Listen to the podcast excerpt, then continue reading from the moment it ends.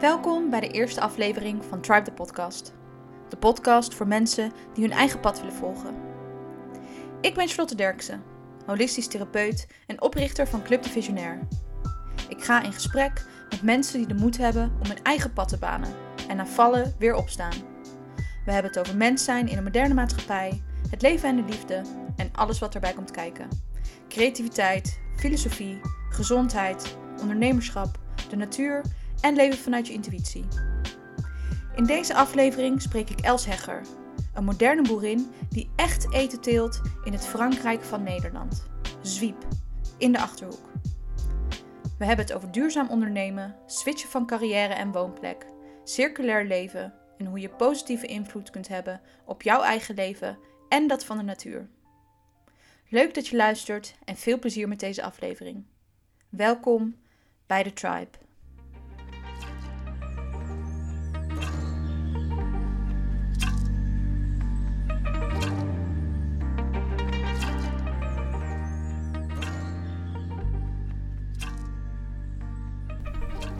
Nou Els, welkom bij mijn allereerste podcastaflevering. Heel erg fijn dat je er bent. Ja, dankjewel. Ik voel me vereerd. Ja? Ja, de allereerste ooit. De allereerste de eerste ooit. van heel veel natuurlijk. Ja, ik hoop het. Ja. En ik eh, benoemde net al even tegen je dat ik heel graag jou wilde uitnodigen, omdat ik het heel bewonders, bewonderenswaardig vind hoe jij je leven indeelt. Mhm. En dat ik eigenlijk ook bij jou ben gekomen door een artikel die mijn moeder mij toestuurde. En ehm, ja, hoe jij, hoe jij je leven indeelt vind ik heel mooi. En mijn eerste vraag is dan ook meteen, wil je misschien vertellen wat jij doet en wie je bent? Ja, nou ik ben Els en eh, ik woon in Zwiep eh, met mijn gezin. We hebben drie kindjes samen. En eh, op die plek in Zwiep heb ik een tuinderij die ik op biodynamische wijze run met kippen. En ik heb tot voor kort ook varkens in het bos gehad. En ik verkoop alles aan huis in een eigen winkeltje. Een eh, zelf getimmerd, super schattig, nou ja, eh, stalletje eigenlijk. En eh, inmiddels trek ik daarmee heel veel mensen uit de omgeving eh, die hun wekelijkse boodschappen bij mij komen doen. Want ik verkoop ook allerlei producten van andere mensen uit de streek. En daarmee wil ik de mensen verbinden met de plek en verbinden met elkaar. Dus de mensen uit Lochem, wat echt wel een stadje is. Ook al kom je uit een grote stad, vind je dat grappig. Maar wij uit Lochem noemen Lochem een stad. Dus we gaan naar de stad, dan bedoelen we dat we naar Lochem gaan. En, ehm, en vanuit die stad om naar het buitengebied te gaan is toch een stap. En, ehm, en ik probeer die verbinding eh, weer opnieuw aan te brengen. En dat, dat lukt gelukkig heel erg goed. Maar ook tussen producenten onderling. Om eh, te laten zien dat het helemaal niet zo ingewikkeld is om je producten direct bij de consument te krijgen. Alleen moet je het op een bepaalde manier aanpakken. En ehm, ja, dus de, die verbinding met de plek voor mezelf, voor ons gezin, maar ook met de andere mensen, dat staat eigenlijk wel centraal in wat ik doe. Ja. En dat aan de voet van de Lochemse Berg. Dus het is echt een. eh, ja, ik vergeet zelf vaak hoe prachtig het is, want ik ben er geboren. Maar gelukkig wijzen heel veel mensen mij daar regelmatig op. Van, eh, weet je wel hoe mooi het hier is? Van, oh ja, ja, het is hier inderdaad heel mooi. Ja. Ja, het is echt heel mooi. Het is de, je, kan het niet, je kan het niet zien omdat, omdat ja, we aan het praten zijn, maar echt dat uitzicht van die berg, het lijkt gewoon net Frankrijk. Het is echt Ja. prachtig. Ja, ja, het is een heel mooi glooiend landschap. Ja, Ja. ja het is echt. eh, ja, klopt. Het is prachtig. Ja. het is een voorrecht. Ja. Want hoe ben je er dan zo bij gekomen om dit te gaan opzetten, om aardig op te zetten? Ehm, ja, nou dat is niet zomaar gebeurd. Ik, eh, ik ben dus geboren ook en opgegroeid in Lochem eh, in een eh, familiehotel. Of in een, een familiebedrijf wat een hotel was. Wat van- eh, door mijn opa is opgezet, door mijn vader is overgenomen. En wat mijn broer ook zou overnemen. Dat nou ja, was het idee om nog generaties door te gaan. En ehm, ik had altijd een beetje een ambivalente relatie met het hotel. Want het Mm. gaf me heel veel vrijheid. Eh, maar eh, mijn ouders werkten ook altijd. Dus er was, eh, ja, er was niet heel veel gezinstijd thuis. En dus ja, dat, dat was heel dubbel. Maar ik vond dat ondernemerschap van mijn ouders vond ik altijd fantastisch. Vond ik heerlijk. En in die creativiteit ben ik zelf ook echt opgegroeid. Maar ik was wel een buitenmeisje. Mhm. Ik was altijd heel graag buiten. En ehm, ik weet nog dat op de middelbare school ik, eh, ik wilde dolgraag eh de beta-kant doen. Maar kon het helemaal niet. En, eh, en daarmee vervlogen eigenlijk voor mijn gevoel alle opleidingen die iets met groen deden. Omdat je bijna altijd natuurkunde nodig had. Dus toen ben ik iets heel sociaals gaan doen, sociologie. Wat ook heel goed bij mij paste. Want ik, was al, ik, ben, ik heb meer de filosofische kanten van gedaan, maar wel tegelijkertijd toegepast op de landbouw. Dus eh, ik heb agrarische sociologie gestudeerd. En daarmee kwam ik in contact met heel veel boeren, boerenbedrijven. En, eh, maar nog steeds had ik niet, niet het idee van ik ga dat zelf doen, omdat ik dacht, ja, ik ben daar niet in geboren. En voor mijn gevoel moest je daarin geboren zijn, wilde je dat kunnen doen. Mhm. Dus ik heb het heel lang wel, ook echt toen ik klein was, wel een soort van droom van, oh, ik wou dat ik boer was. Lijkt me zo gaaf. En, ehm, en pas toen ik op de universiteit ging werken, eh, toen heb ik veel onderzoek gedaan naar korte voedselketens. Mhm. Dus eh, waar eh, ja, de voedselproducent en de, en de consument heel dicht bij elkaar staan. En heel veel projecten gezien door heel Europa. Mhm. En dat, dat ik toen pas tot de ontdekking kwam van... oh, maar wacht even, het kan ook echt gewoon heel klein zijn. Het hoeft niet een een of ander supergroot bedrijf te zijn... waar je nou eenmaal in geboren moet worden. Je kunt ook, als je het klein houdt, ja, kan je vandaag beginnen. En toen dacht ik van, oh, maar dit wil ik eigenlijk zelf ook. Nu Mhm. weet ik dat het kan, maar dan in de Achterhoek. Mhm. Dus toen ben ik, eh, zijn we naar de Achterhoek verhuisd met ons gezin... want we woonden toen in Utrecht. Mhm. Dus eigenlijk terug naar waar ik vandaan kom. Mhm. En, eh, en toen ben ik eigenlijk, ja, toen zijn we begonnen. Ja. Mooi. En even een tussenstapje, want je benoemt dat je dus in, de, in Utrecht woont, in de Randstad. Wat ervaar jij nu je weer hier woont? Wat is het verschil voor jou in wonen in de Randstad en eh, hier wonen? Oeh, ja, heel groot verschil. Ehm, ja, in Utrecht heb ik mij nooit thuis gevoeld. Mhm. Eh, ja, ik ben geboren en opgegroeid in het bos.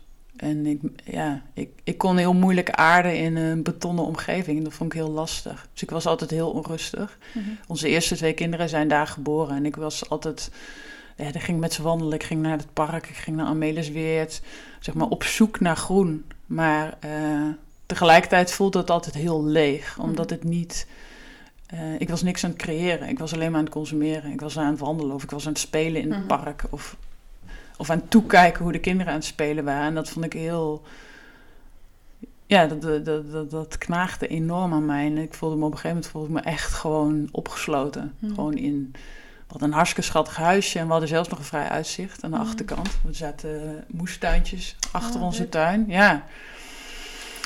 Maar het was gewoon niet voor mij. Dus de, de, de vrijheid en het eh, gewoon echt de natuur om je heen. Altijd als ik dan terugkwam eh, om bij mijn ouders langs te gaan, Mhm. dan dacht ik, oh ja. Dit is waar ik me thuis voel, gewoon de rust. Mhm. En ik miste in Utrecht enorm een gevoel van verbinding met de mensen om me heen. Mhm. Als ik, toen, ja, toen ik zwanger was, de eerste en de tweede keer, en met beva- eh, bevallingen daarna, de, eh, de periode thuis.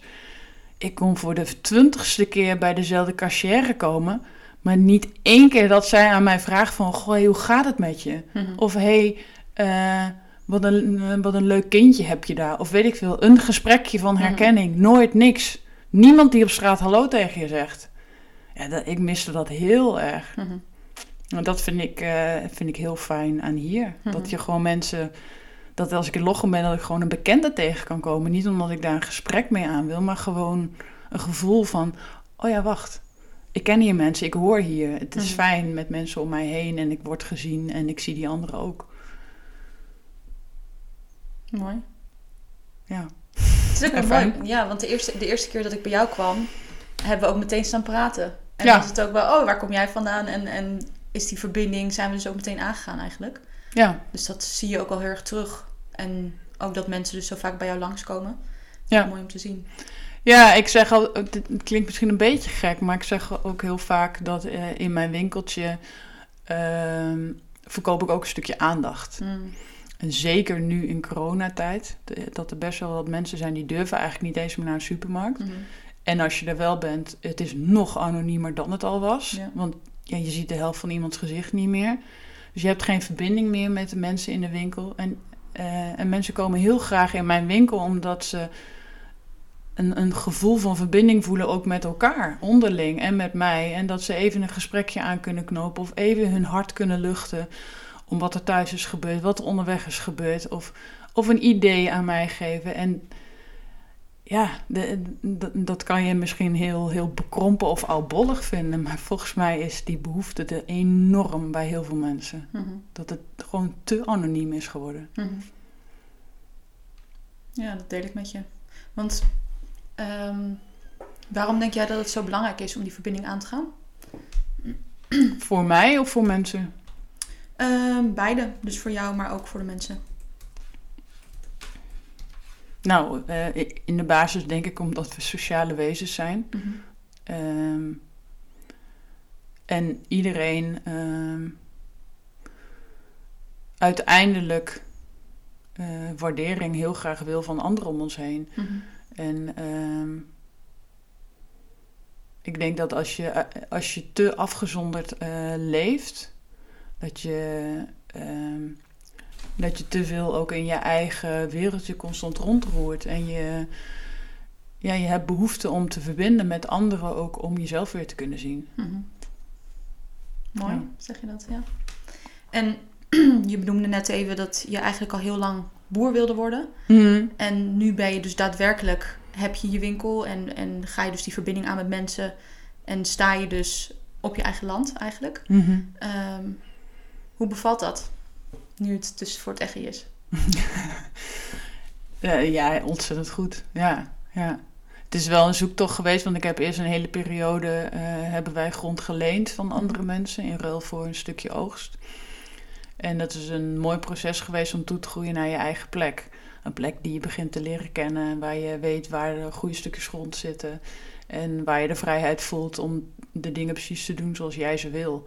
En, eh, en dat voelt echt super krachtig en, en gewoon heel gaaf, omdat eh, ja, dat dat gewoon kan.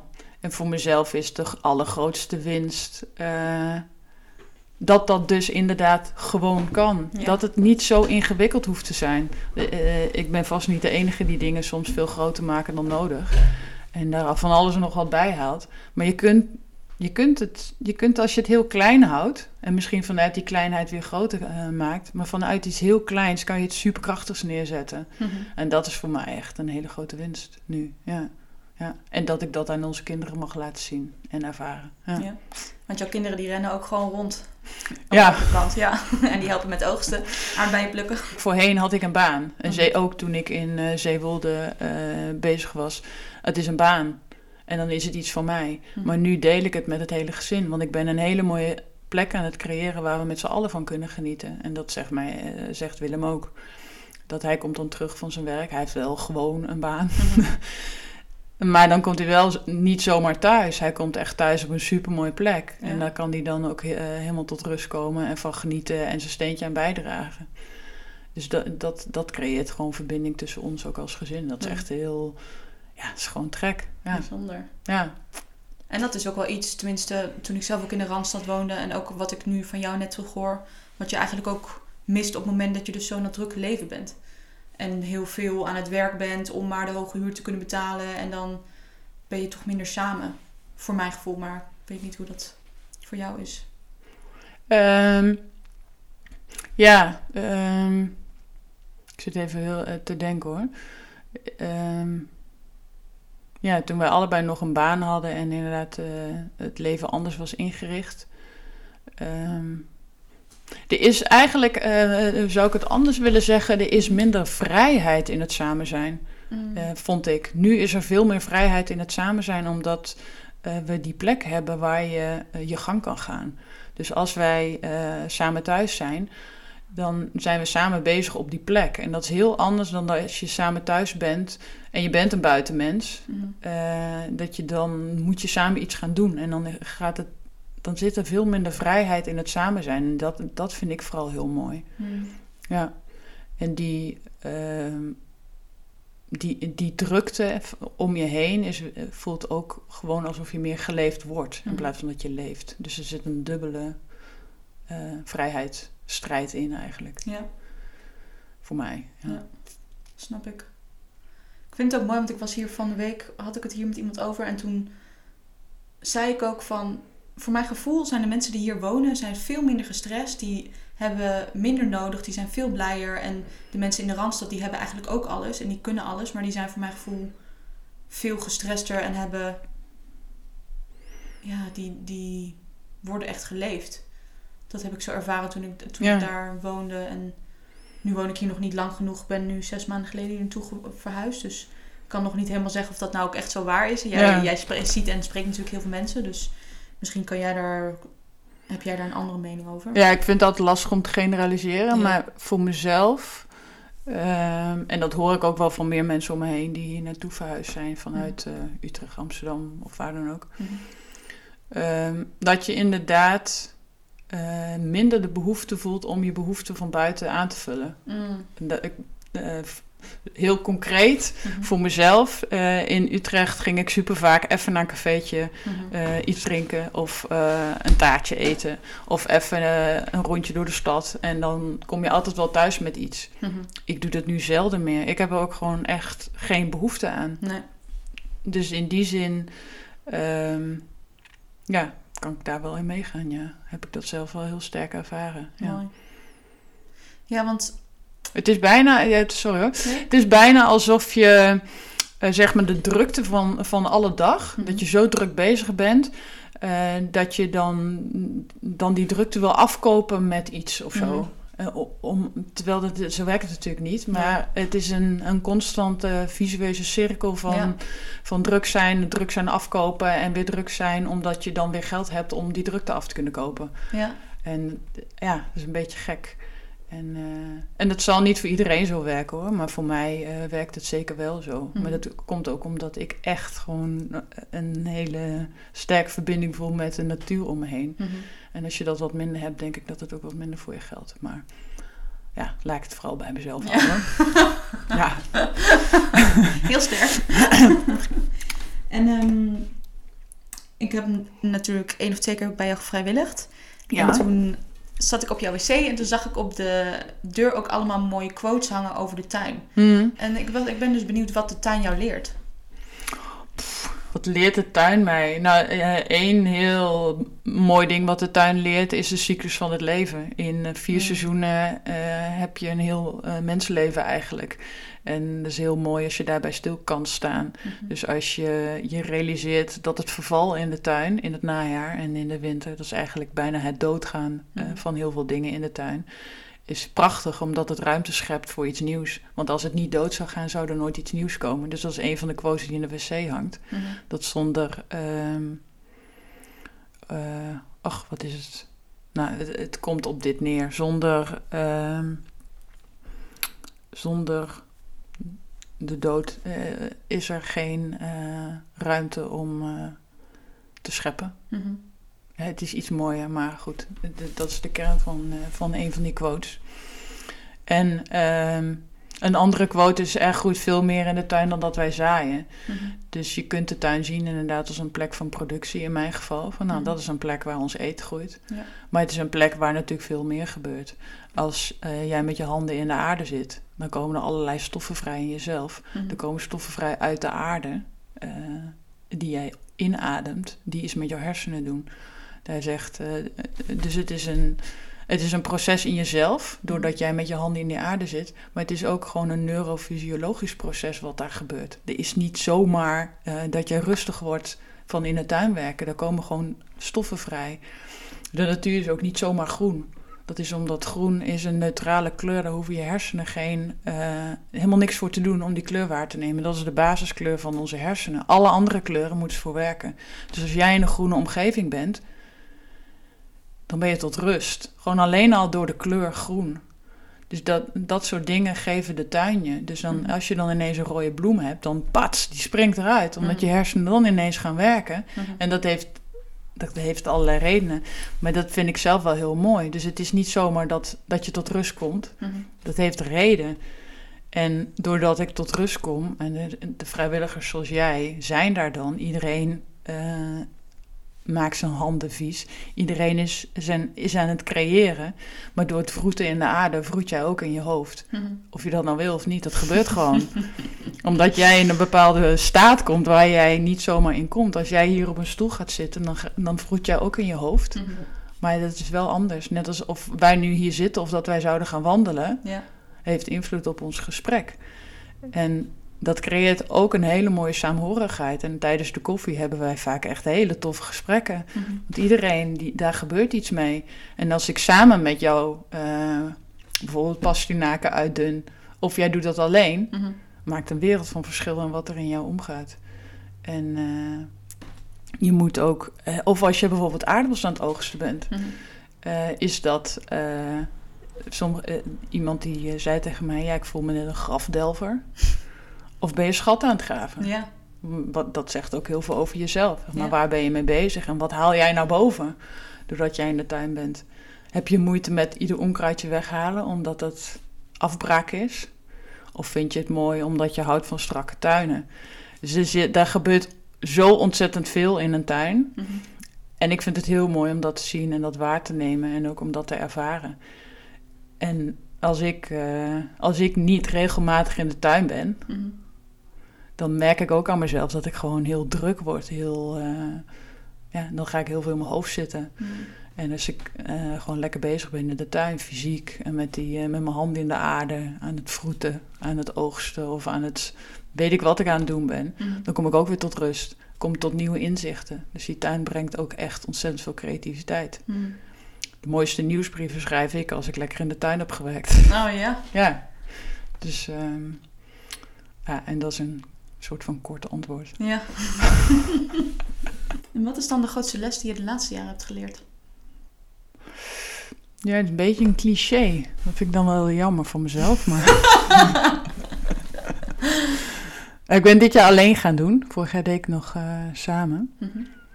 Ehm, en eh, do- eh, door corona in het voorjaar, doordat de kinderen ineens thuis waren, Mhm. vond ik een hele heftige periode. Ehm, toen vond ik het heel moeilijk om mijn plannen aan te passen. Ik had, mij, eh, ik had de maanden naartoe gewerkt, een heel mooi plan geschreven voor dit jaar, wat ik wilde, omdat ik het alleen ging doen. Eh, en ineens was daar corona, ineens waren de kinderen thuis, ineens moest ik ook les gaan geven. Mhm. Wat ik ook, ja, dat was gewoon ingewikkeld. Dat was echt heel ingewikkeld. En, ehm, en ik vond het dus moeilijk om mijn plan los te laten. Dus toen heb ik mezelf eh, in, die, eh, in die zes, zeven weken dat de kinderen thuis waren, heb ik mezelf gewoon echt helemaal compleet over de kop gewerkt.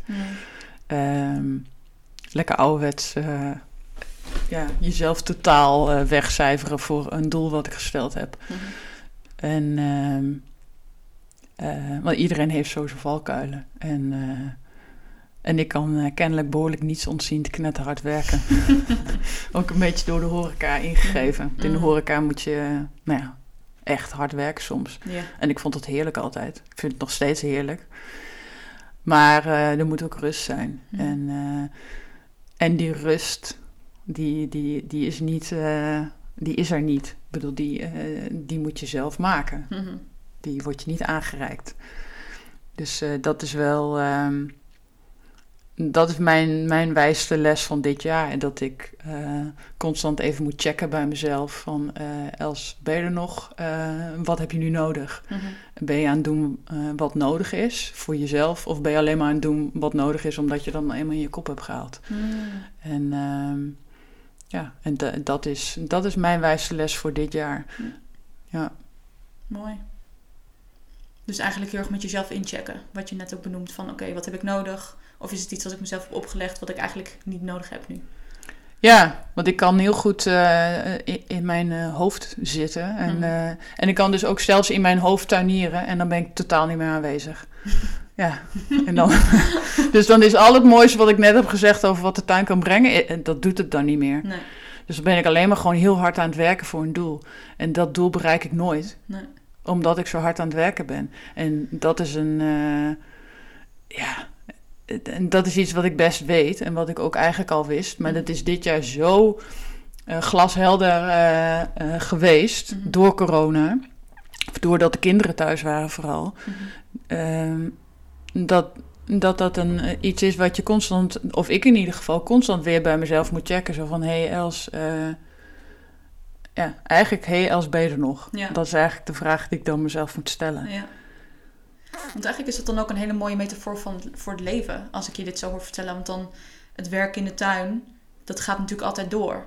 En de vraag is, wat je ook zegt, hey, ben je er nog? Kun je nog aanwezig zijn en genieten van het werk in de tuin? Of ben je alleen maar aan het werk? Ja, precies. Ja. Ja, ik, ik roep altijd heel stoer, eh, het moet ook volhoudbaar zijn voor jezelf. Ja. Dat is een, een woord wat ze in, eh, in eh, het Vlaams heel graag gebruiken in plaats van duurzaamheid. En Mhm. duurzaamheid is misschien een iets te veel containerbegrip geworden. En volhoudbaarheid zegt veel meer, vind ik. En ik vind het echt een prachtig woord. Want je kunt, eh, ik kan ook eh, in mijn tuin, ik kan de prachtigste dingen bedenken. Dat is echt het probleem niet. Mhm. Maar is dat volhoudbaar voor jezelf op de lange termijn? En dat betekent dus ook dat het economisch volhoudbaar moet zijn. Mhm. Want anders dan ga je eraan kapot. Ja. Want dan ga je drie, vier, vijf jaar lang hele mooie dingen doen, hele mooie dingen bedenken. En, eh, maar als er voor jou zelf eh, te weinig voldoening uitgehaald wordt, op wat Mhm. voor manier dan ook, dus dat het niet meer volhoudbaar wordt, ja, dan heeft het geen enkele zin. Nee. Dan is het totaal zinloos wat je aan het doen bent. Ja. Want je pleegt roof, roofbouw op jezelf, op je omgeving en, dan- en op je eigen eh, dromen. Mhm. Want je komt eh, volledig gedesillusioneerd uit zo'n ervaring en dat is zonde. Dus dat is o- op hele kleine schaal zeg ik dat ook heel vaak aan mensen die een moestuin willen beginnen. Mhm. Want dit is, je wil gewoon graag succes, dus je moet ook succes voor jezelf inbouwen. Al is het maar heel klein. Als jij eh, wil moestuinieren, misschien moet je wel beginnen met één vierkante meter. Mhm. En moet je beginnen met een aantal plantjes kopen. Zodat je gewoon succes oogst. En dat geldt voor mezelf ook. En, ehm, en je moet dat succes dan ook wel kunnen voelen. Dus Ja. je, moet er wel, je moet wel aanwezig zijn. Ja. En dus ook op het moment dat je maar één vierkante meter hebt en daar komt een plantje omhoog, eigenlijk dus even vieren. hey yes, ik heb een tomaat geoogst. Ja, je mag wel eh, je Ja. succes vieren, ja. Ja. ja. ben ik ook niet zo goed in, hoor.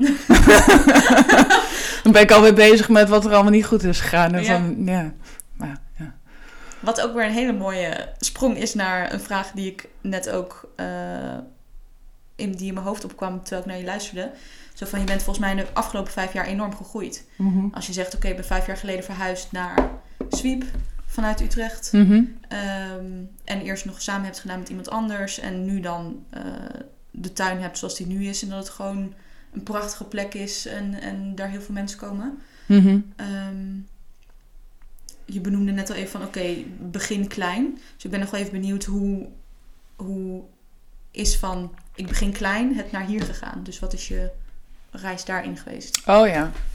Ehm, nou, ik ben, eh, ik ben begonnen ehm, eh, met, eh, ik even goed nadenken, ja, met vijf varkens. Het idee was om varkens in te zetten als onderhoud voor bos en eh, weiland. Dus heb ik op twee plekken hebben we dat gedaan. Samen met Stefan deed ik dat. En eh, toen zijn we begonnen met, eh, met een tuinderij, heel kleinschalig. Toen hebben we de kippen bijgehaald, toen nog meer kippen. En uiteindelijk hadden we iets van 18 hectare die we deden. Dus zijn we echt flink gegroeid. En bovendien heel erg de breedte in. Dus we deden, we deden al die dingen. En we ontwierpen ook nog eetbare landschappen voor mensen. En we deden heel veel verschillende activiteiten. En we deden echt heel veel. Dus het, het was van heel klein, vrij breed en vrij groot geworden in een hele Mhm. korte tijd. En toen kregen we ontzettend veel media-aandacht. En eh, nou, dat, dat was in, in het begin heel erg leuk. En toen op een gegeven moment dacht ik, ja, maar wacht even. Toen waren we alleen maar nog verder aan het doorgroeien. Van, ja, maar wat, wat wil ik eigenlijk? Waarom ben ik dit ooit gaan doen? Ben ik Mhm. dit gaan doen om succes te oogsten? Of ben ik dit gaan doen omdat ik eh, voor mezelf een bepaalde nou ja, levenswijze voor ogen had... en graag iets, eh, iets wil uitdragen? Mhm. En eh, dus al die media-aandacht heeft me enorm getriggerd om, om weer dat daarna terug te gaan. Zo van, hé, maar wacht eens even. Waar ben ik eigenlijk in godsnaam mee bezig? Mhm. En, en toen hebben we het weer wat kleiner gemaakt. En ehm, toen ben ik alleen verder gegaan, daarna, drie kwart jaar later. En, eh, en besloot van ik ga het veel en veel en veel kleiner maken. Mhm.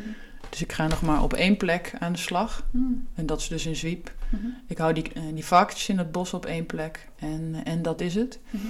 En ik ga niet meer al die activiteiten doen daarnaast. Ik ga gewoon wat ik doe heel goed doen. Want dan, dan heb ik een goede basis. En vanuit een goede basis dan langzamerhand weer gaan groeien en dingen gaan uitbreiden. En het grappige is dat ik eh, in heel veel van die managementboeken of ondernemersboeken zie je dat ook altijd. Mhm. Zorg dat je één ding goed doet. En eh, doe dan één, één nieuw ding en dan weer één nieuw ding. En wij deden tien nieuwe dingen in een jaar. We waren gewoon eigenwijs. Ja. Maar dat kan dus ook gewoon niet. Nee. Het kan wel, maar dan eh, zet je dus niks goed neer. Nee. Want uiteindelijk doe, eh, doe je alles half of minder dan half. Dus dit, dit jaar heb ik besloten om het echt in te krimpen. Om, eh, ook om rust te creëren voor mezelf. Mhm. Wat dus niet, deels niet helemaal goed is gelukt. Maar ik heb wel een goed seizoen gehad. En vanuit die, eh, die kleinheid en die kracht die er dan is, het weer te- langzaam te laten groeien. En, eh, en dat is dit jaar wel heel erg goed gelukt. En het, het grappige is dat er dit jaar ook ineens vrijwilligers naar me toe zijn gekomen zonder dat ik erom heb gevraagd. Ja. En dat vind ik dan vind ik ergens een heel mooi compliment. Want dat betekent dat mensen eh, graag willen zijn op de plek die ik heb gemaakt. Ja, absoluut. Want ehm, als ik even voor mezelf spreek, waarom ik, waarom ik er graag wil zijn, is inderdaad dat voet in de aarde, maar ook echt weer even het samenkomen en kunnen bijdragen aan zo'n plek. En je benoemde straks ook heel erg van, oké, ik wil heel graag eh, verbinding creëren. Ehm, en ik ben eigenlijk ook nog wel benieuwd van, wat wil je eigenlijk uitdragen met aardig? Voor die groentes is de, is de aarde of de bodem is, Mhm. is de basis. Zonder goede bodem geen goede producten. Mhm. De, de diversiteit ondergronds, Mhm. dus het, het rijkdom en bodemleven wat daarin zit, Mhm. dat ga je terugproeven in het product.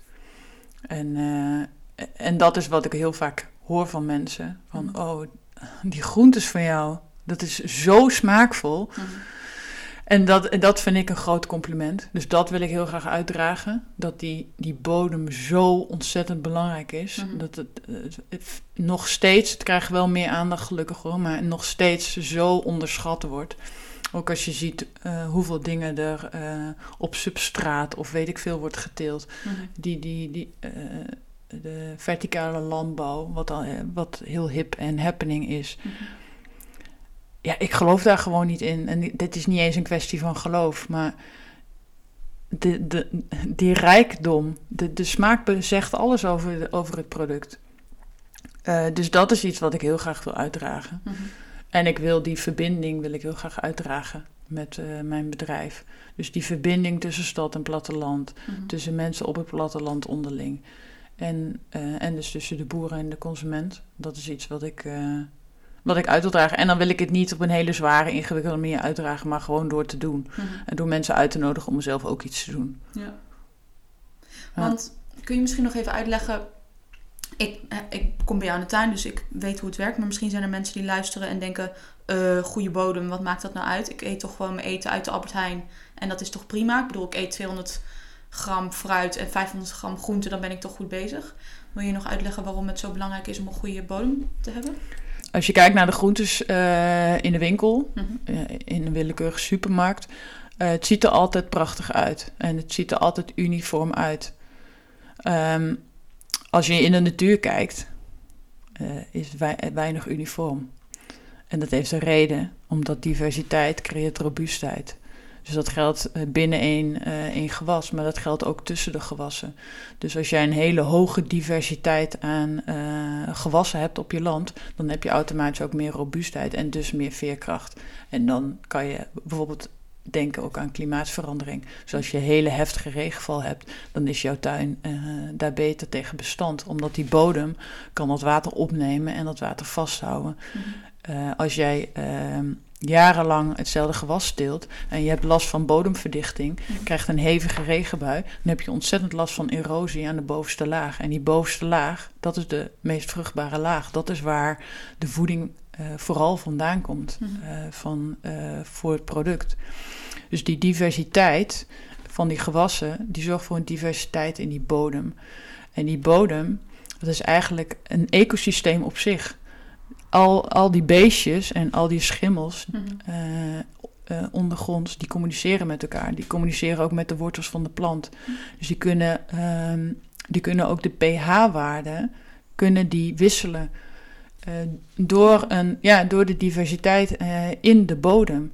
Dus het, ehm, eh, en die zorgen dus weer voor de juiste voeding voor een plant. Dus dat er bijvoorbeeld eh, suikers beschikbaar worden, eh, komen voor de plant, of juist afgegeven worden.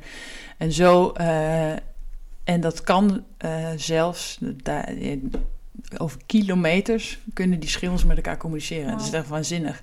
Dus er is nog, ik weet er ook bijzo- bijzonder weinig van hoor, maar er is nog zoveel te ontdekken over de bodem. En, en die, als jij dus die diversiteit in die bodem hebt, heb je sowieso eh, dus een robuustere bodem en veerkrachtiger. Dus je kan sowieso al veel beter omgaan met die heftige weersomstandigheden die we Mhm. tegenwoordig hebben. Dus die droogtes ook in de zomer. Ehm, de bodem droogt gewoon minder snel uit, omdat Mhm. de, ja, die diversiteit er is. En die planten die worden er sterker door, eh, door, die, door die rijke bodem. Maar minder uniform. Mhm. Dus in mijn winkel eh, zul je niet zulke prachtige uniforme groentes zien. Maar je zult wel eh, de smaak ervaren. En, en dat komt door, eh, door die bodem. Ja, En prachtige groenten en fruit toch ook. Ik bedoel, de venkels die bij jou liggen, die zul je echt niet zien in de, in de Albert Heijn. Maar die van jou die zijn, vind ik toch een stuk prachtiger. ja dankjewel. Ja. Ja, Ja. ja. Nou ja, ze gaan ook als zoete broodjes over de toonbank. Dus, ja. Want wat kunnen mensen, of eigenlijk eh, consumenten dus doen om bij te dragen aan een goede bodem, zonder dat je meteen zelf een hele grote moestuin moet starten? Oh, nou. eh, oh, er schiet me trouwens nog iets anders te binnen over, eh, over die bodem net. Wat ik Mhm. nog wou zeggen is dat daar relatief weinig over bekend is nu, maar die kennis groeit enorm eh, over de voedingswaarde van de groentes. Het is inmiddels wel bekend dat die, die, de, eh, de voedingswaarde bijvoorbeeld direct na de Tweede Wereldoorlog van heel veel groentes eh, echt vele malen hoger lag dan nu. Dus jij zei net over, ik eet toch eh, 200 gram groente per dag. Precies. Maar dat is dus niet hetzelfde als die 200 gram groente die jij 50 jaar geleden, ja, je bent misschien geen 50, maar bij wijze van spreken 50 jaar geleden at, is dus niet hetzelfde. Hetzelfde geldt met appels en met allerlei ander fruit. Dus eh, het ga, dat is het probleem. ehm, en dat kan je op alle fronten toepassen van onze samenleving. Het Mhm. gaat over kwantiteit en niet over kwaliteit. Dus het gaat, het gaat altijd over kwantiteit van leven. Eh, kijk maar naar de coronacrisis. Het gaat, het gaat niet meer over de kwaliteit. En het gaat dus ook niet over de kwaliteit van die groentes vaak. Het, gaat, het moet er mooi uitzien en het moet er, eh, en het moet er veel zijn. Mhm. En, eh, en daar wordt ook op geselecteerd. Kijk naar de spruitjes. Hoeveel kinderen vonden spruitjes vroeger vies omdat het zo bitter was? Mhm. Ga nu naar de spruit in de winkel. Het is niet meer bitter. Maar het smaakt ook gewoon helemaal nergens meer naar. het is gewoon uitgehaald. Ja. Maar die bittere stof, super, super goede stof voor jouw lijf.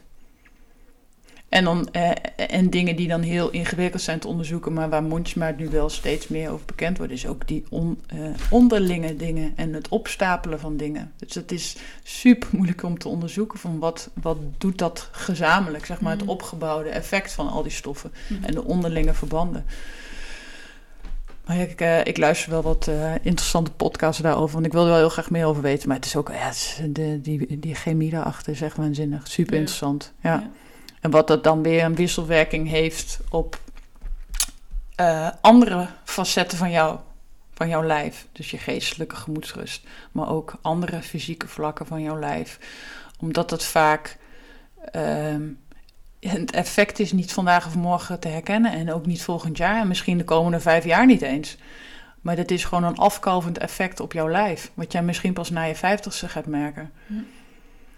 En dat maakt het ook allemaal heel ingewikkeld om, eh, nou ja, om echt aan te tonen en om te onderzoeken. Want dan heb je dus een heel nou ja, longitudinaal onderzoek nodig om Ja. eh, met een eh, term te smijten. Dat is een mooie term die ik niet ken. Ja, dat is over de lange termijn. Dus, ehm, dus je hebt. eh, soms heb je onderzoeken die 30 jaar duren. Mhm. En dan kan je dus het effect over 30 jaar bereiken. Maar die onderzoeken zijn schaars, want die kosten natuurlijk bakken met geld. Ja. Ja, dat eh, geldt voor dit natuurlijk ook. Ja. Maar soms kunnen ze dat wel analyseren door meta-analyses te doen van allerlei andere onderzoeken. Ja. Ja, maar ehm, Ja, er is bijvoorbeeld nu een heel, las ik een stuk in de krant, vind ik zelf wel heel interessant. Een eh, onderzoek eh, in Europa naar de langetermijn effecten van pesticiden. Dat ze dus nu nog steeds resten van DDT vinden in de bodem. Wow. Ehm, terwijl dat middel al 47 jaar verboden is. En wat dat dan, eh, afgezien van dat het, dat, het, dat het best wel bizar is dat dat in de bodem nog zit, dat Mhm. zegt dus iets over, nou ja, over, de- over wat er gebeurt. Maar ook wat dat uiteindelijk doet met gezondheid met mensen. En met de, dus de fysieke gezondheid, maar ook met de geestelijke gezondheid. En, eh, en dat soort dingen vind ik ook wel heel interessant. En het opstapelingseffect van al die eh, pesticiden die in producten achterblijven, daar weten ze heel weinig van. Ook omdat dat weer, net als die gezondheidseffecten, is gewoon super moeilijk te onderzoeken. Ja. Maar ik denk dan altijd, ehm, totaal niet wetenschappelijk, maar ik denk altijd, oh ja, ik gebruik mijn gezonde verstand. En het voelt gewoon niet goed. Het is gewoon, het voelt gewoon niet goed dat, eh, dat er überhaupt resten in je voedsel kunnen zitten. En dat zitten ook in, in mijn voedsel zitten waarschijnlijk ook eh pesticidenresten. Want het zit gewoon in de lucht. Ja. Dus de, ja, ik, ik volg in dat geval dan maar gewoon mijn eigen gezonde verstand. ja. Ja. En Ja. ehm, wat kan ik daar als consument dan Oh ja, aan dat doen? was je vraag. Ja. Ehm, nou ja, iedereen met een tuin kan iets doen. Mhm.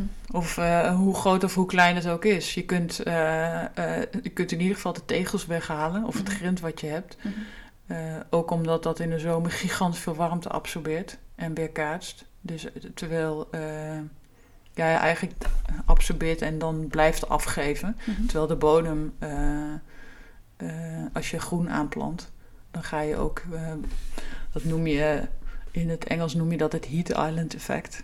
Wat je in steden heel sterk kent. Mhm. Eh, omdat er zoveel zwart is en zoveel beton en asfalt, dat er heel veel hitte blijft eh, hangen. En dan verdubbel je eigenlijk, verdubbel niet, maar je, je vermeerdert de hitte eigenlijk. Terwijl op het platteland eh, is dat veel minder. Dus je kunt, hoe klein je tuin ook is, de tegels vervangen überhaupt door aarde te Mhm. laten zijn. Mhm. En eh, de aarde niet bloot te stellen. Mhm. Dus eh zorg er wel voor dat die aarde bedekt is met kruipertjes of in het najaar met de bladeren. Laat de bladeren liggen. Ga niet Mm. ijverig al die bladeren lopen opruimen. Dat doet het bodemleven wel voor je. Mhm. En eh, eh, snoei alsjeblieft eh, in het voorjaar en niet in het najaar. Mhm. Want er zijn heel veel insecten die overleven in, eh, in holle stengels. Dus die, eh, die komen zo de winter door.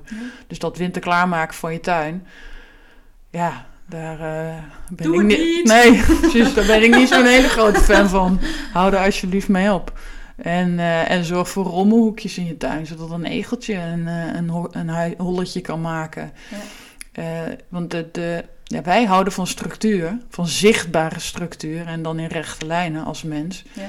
Maar de natuur houdt niet van zo'n structuur. De natuur heeft haar eigen structuur, maar die Mhm. vinden wij chaotisch. Maar er is niks chaotisch aan als jij eh, midden in die chaos staat. Ja. Dus midden in die natuur zit. Dat is geen chaos, dat is structuur, maar op een andere manier. En als je dat durft omarmen, dan help je heel erg. Maar dat is misschien een brug te ver. ja, dat is ook echt de controle loslaten. Ja. Ja. Wel mooi. En ehm, op het moment dat je geen tuin hebt, hè, en je woont bijvoorbeeld in de Randstad en je hebt een balkon of helemaal geen buiten.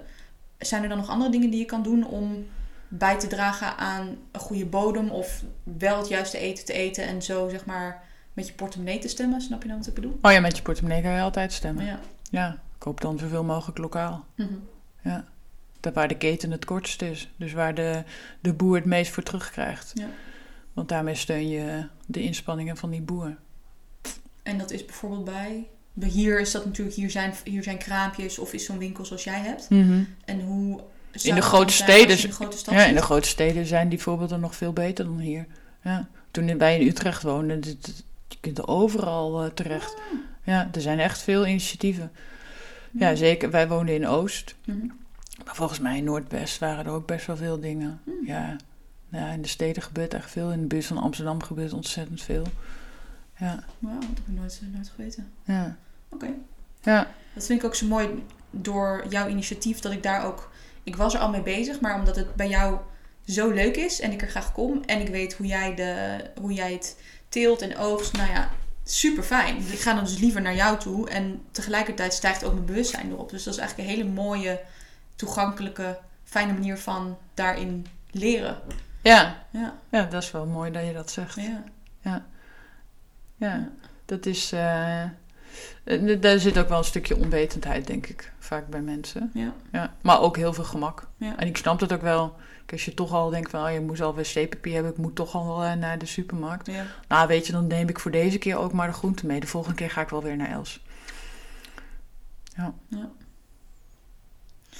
Hey, en wat vind je... mm, ehm, want ik benoemde aan het begin al even van... Ik vind dat je heel erg je eigen pad bewandelt. Mhm. Dat vind ik zo mooi in mensen, omdat het zo is van oké, vaak is dan het gebaande pad van je gaat naar school, studeren, eh, werken.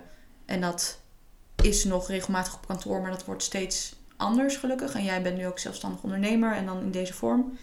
En ik ben wel benieuwd, wat vind jij moeilijk of een uitdaging aan deze manier van leven? Ah, dat ik constant in strijd ben met mezelf van, oh ja, maar weet je, het, ik had een kantoorbaan. Mhm. Ik verdiende echt een dik vet salaris. Ik eh, hoefde veel minder hard te werken. Mhm. Misschien eh, moet ik, eh, zeg maar, dat is een stemmetje wat dan constant in mijn hoofd zit. Misschien moet ik het toch maar weer gewoon drie dagen in de week een baan zoeken. En dan ga ik gewoon lekker voor mezelf tuinieren. Ga ik gewoon mijn Mhm. eigen moestuin doen. En dan ga ik gewoon lekker weer, lekker relaxed. En hoef ik niet zo me uit de na te werken voor, voor mijn idealen. Mhm. Ik fluit mezelf altijd terug hoor, want ik weet dat ik helemaal niet meer een baan wil. Maar dat, dat vind ik wel, eh, wel pittig. Dus de, de financiële scheefheid van Mhm. eh, hoe het in elkaar zit. En dat het dus echt om kwantiteit draait en niet om kwaliteit. Dat is iets waar ik wel eh, regelmatig heel boos over word. En, eh, en ook heel verdrietig over word. Dat ik echt denk... dat mensen dan, eh, dan zeggen, oh, het is wel duur bij jou. Dat ik echt denk, eh, zo meteen loop jij eh, in een winkel... en leg je rustig 3 euro neer voor iets totaal onzinnigs wat je niet nodig hebt. Terwijl dit heb je nodig. Ja. Dit is gezondheid. En dan, zelfs midden in deze pandemie, denk ik, zorg goed voor je lijf. Dan ben je ook weerbaarder tegen wat er dan ook rondwaart. Nou, ik ben heel blij dat jij deze baan hebt. ja, Echt gecreëerd eigenlijk voor jezelf. ja, voor mezelf, ja. Ja. Ik heb ook een hele aardige baas, dus Ja. het scheelt. Ja. Ja. En ben je, ben je dat zelf of is de aarde dat? Ja, nee, ik ben dat zelf toch wel. Ja, ik ben wel echt mijn eigen baas. Ja. Dat mo- moet je volgens mij ook zijn. ja. Ja, ja. Maar eh, het, is, het is niet makkelijk, dat geef ik zo, dat is wat je zegt, het is niet makkelijk om uit dat stramien te stappen. Ik heb dat stramien ook door, eh, doorleefd. Ja. En, eh, en ergens is het gewoon, het is te makkelijk. Het, het- ja, je zit de hele dag een beetje te tikken achter je computer. Je hebt wat overlegjes en je doet je ding. En ik zeg niet dat het passieloos is, helemaal niet. Ik denk dat, mensen, dat er heel veel mensen zijn die dat hartstikke leuk vinden. Maar ik zie ook dat er bij een groeiend aantal mensen een totale zinloosheid van het bestaan toeslaat. Ja. Het is niet voor niets dat al die boeken overal verschijnen. Cursus hier, cursus daar. En mensen weten het niet meer. Nee. Dat komt omdat je, je, je voelt je nietig. Je bent een superklein schakeltje in een of andere mega ketten, keten. En je bent dus geketend. ja. En ja, en, en dat ben ik in ieder geval niet. Nee. Of, of minder. Ik denk dat ik het ook ben, maar een stuk minder. Ja. Ja. Ja, want wat maakt dus dat je het wel doet? En wat is dan het mooie aan deze manier van leven? Nou, dat ik wel eh, een zinvol bestaan leid. Ja. Ik voel mij wel heel zinvol. En eh, vergeleken met voordat ik dit deed, ja, was ik, voelde ik mij behoorlijk vaak zinloos. Hmm. Ja, want waar, waar dient dit allemaal toe? Ja. Want is dit wat ik de komende 50 jaar nog ga doen? Nou, eh, shoot me, echt niet. Nee. Nee. En dat, in dit geval gaat het voor mij ook wel echt om het voorbeeld voor de kinderen. En, ehm, en dat is ook niet altijd makkelijk, want die zijn ook vaak aan het zeuren van, dan moet je nou weer werken. Oh, zit weer met je biologische groenten. ja, maar vervolgens zeggen ze wel, toen we op vakantie waren, hebben we één keer niet biologische groenten gekocht, maar wel bij een lokale boer. Dat ze alle drie zeiden, "Huh, die broccoli smaakt nergens naar. Ik van, nou, dat is dan mooi mee gewonnen. Ja. Ja. Dus ja, je bent wel echt het levende voorbeeld voor ze. Dat is wel heel mooi. Ja, ja. Mooi. Nou, ik heb eigenlijk alle vragen gesteld die ik, heb, die ik je wilde stellen. Ehm, heb je zelf nog iets waarvan je denkt, dit wil ik heel graag nog delen? Neem dit mee! dit mee. Ja, een beetje cheesy, maar ik ga het toch zeggen. Doe het. Volg je hart. En niet je hoofd. Hmm. En volg vooral je eigen hart en niet het hart- van een ander. Hmm. Ja, dat is namelijk heel makkelijk. En dat is heel snel gedaan. Ja. En hoe doe je dat, je hart volgen? Door eh, stil te staan bij wat jij zelf wil. Dus Mhm. naar jezelf te luisteren. En dat kan je op allerlei manieren doen. Dan kan je vroet in de aarde doen. Je kunt gaan mediteren, je kunt gaan wandelen, je kunt gaan fi- nou, fietsen, denk ik niet. Want je kunt gaan stilzitten.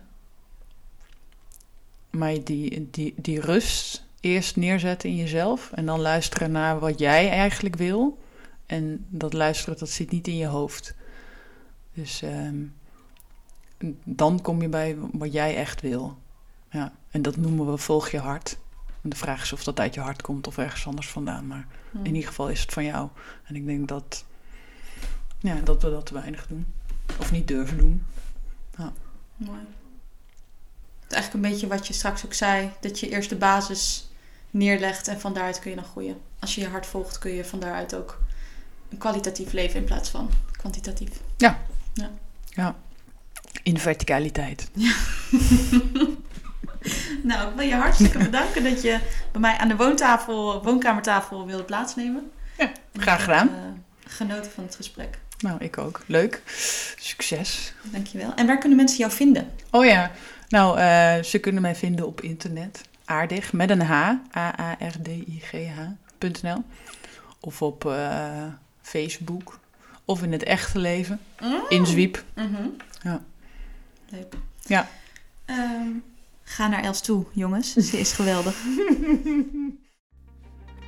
Wat leuk dat je hebt geluisterd naar Tribe de podcast. Ik vond het heel fijn dat je erbij was. Wil je meer weten over Club de Visionair? In het online membership of tijdens een één op één traject bouw je aan het leven waar jij blij van wordt. Kijk op www.clubdevisionair.com of Charlotte Derksen op Instagram. Ook kun je daar een gratis meditatie vinden waarmee je terugkomt in je lijf. En je weet wat ze zeggen. Een review is highly appreciated. En als je me wil laten weten wat je van de podcast vond, word ik daar heel blij van. Ik hoop je de volgende keer weer te zien. Ook al zie ik je nu niet, je maakt deel uit van de tribe. Dank je wel daarvoor.